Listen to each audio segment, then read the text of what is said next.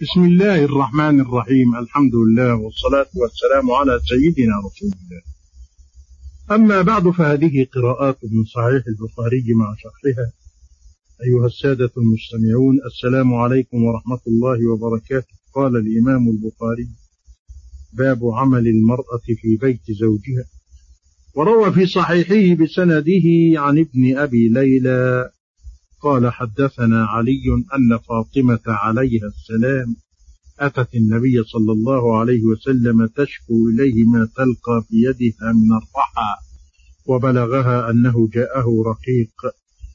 فلم تصادفه فذكرت ذلك لعائشة رضي الله عنها فلما جاء أخبرته عائشة قال فجاءنا وقد أخذنا مضاجعنا مضاجعنا فذهبنا نقوم فقال على مكانكما فجاء فقعد بيني وبينها حتى وجدت برد قدميه على بطني. فقال ألا أدلكما على خير مما سألتما؟ إذا أخذتما مضاجعكما أو أويتما إلى فراشكما فسبح الله ثلاثا وثلاثين واحمدا ثلاثا وثلاثين وكبرا أربعا وثلاثين. فإن ذلك خير لكما من خادم ثم قال البخاري باب خادم المرأة وروى في صحيحه بسنده عن علي بن أبي طالب حد أن فاطمة عليها السلام الحديث بأوجز مما ذكر. ثم قال سفيان إحداهن أربع وثلاثين فما تركتها؟ قال علي فما تركتها بعد. قيل ولا ليلة الصفين قال ولا ليلة الصفين.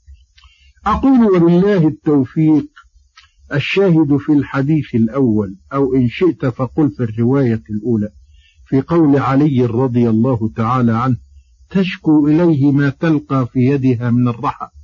والمراد الرحى التي كانت تطحن عليها الشعير أو البر أو غيرهما. وقد بينت بعض الروايات الأخرى للحديث أن يدها مجلت أي امتلأت بثورا وخدوشا من كثرة إدارتها للرحى. وهذا موضع الاستدلال بالحديث على عمل المرأة في بيت زوجها. قوله فبلغها أنه جاءه رقيق وكان هذا الرقيق سبيا. فجاءنا وقد أخذنا مضاجعنا ليس في هذه الرواية ذكر الاستئذان ولكن جاء ذلك في روايات أخرى. أنه صلى الله عليه وسلم قد استأذن فليتنبه إلى ذلك. ألا أدلكم على خير مما سألتما أي مما سألتماني والهمزة للاستفهام ولا للنفي ولذلك جاء الجواب بلى كما عند أحمد في المسلم ولو كانت ألا كلمة واحدة لما جاء الجواب بلى. قال كلمات علمنيهن جبريل ثم قال إذا أخذتما مضاجعكما يعني لأجل النوم أو أويتما إلى فراشكما أو للشك أي اللفظين؟ قال وهما بمعنى. ولكنها الأمانة التي اشتهر بها أئمة هذا العلم النبوي الشريف. والمبالغة في التحري عن اللفظ الذي نطق به النبي صلى الله عليه وسلم. قوله فذلك خير لكما من خادم. وقد اختلف في بيان وجه هذه الخيرية فقيل إن ذكر الله تعالى والإكثار منه يعطي قوة أكثر من القوة التي يعملها لهما الخادم أو تسهل الأمور على الذاكر بحيث يكون تعاطيه أموره أسهل من تعاطي الخادم لها. وقيل إن المراد إن نفع التسبيح والتحميد والتكبير مختص بالدار الآخرة ونفع الخادم مختص بالدنيا والآخرة خير من الأولى. قول البخاري باب خادم الزوجة يعني هل يشرع ويلزم الزوجة إخدامها؟ قوله فما تركتها بعد بضم الداء على البناء وقائل ذلك هو علي رضي الله تعالى عنه. وقيل يعني لعلي والقائل هو عبد الرحمن بن أبي ليلى راوي الحديث كما في صحيح مسلم.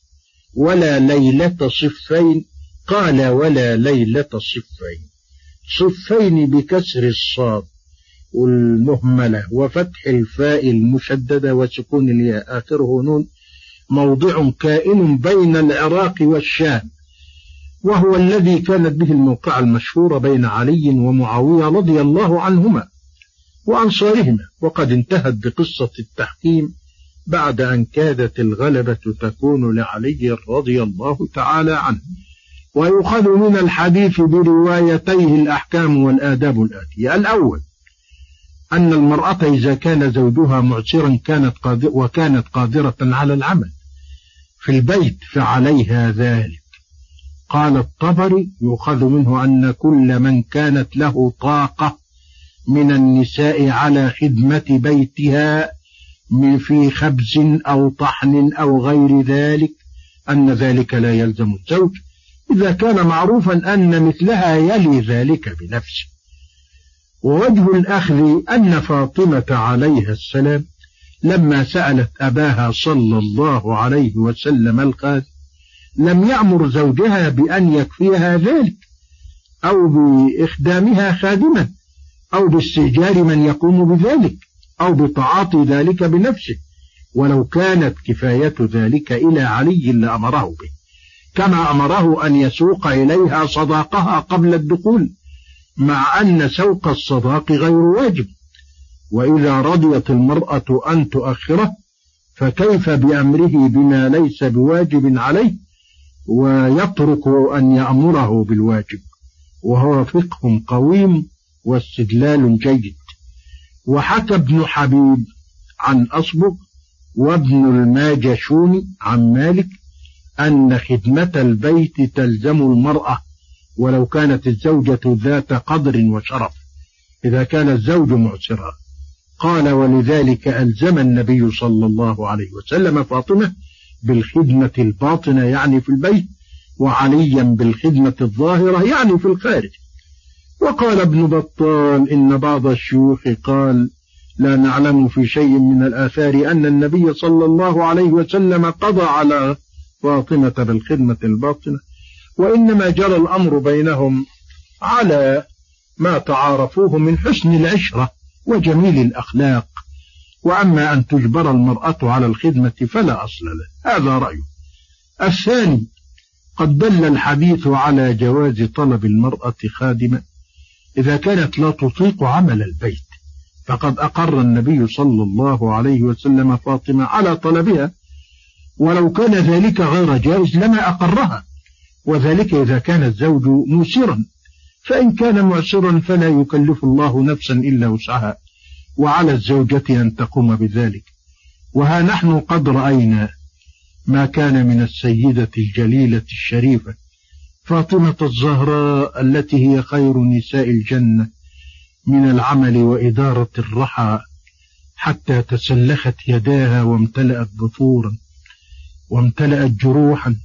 وقد كانت السيدة أسماء امرأة الزبير تذهب كل يوم إلى أرض الزبير التي أقطعها له النبي صلى الله عليه وسلم وكان بينها وبين المدينة ميلان فكانت تقطع ذهابا وجيئة أربعة أميال وعلى رأسها النوى الذي كانت تطعم به فرس الزبير التي كان يجاهد عليها. وقد استمرت على ذلك حتى أعطاها أبوها الصديق خاتما فأعتقها من خدمة الفرس.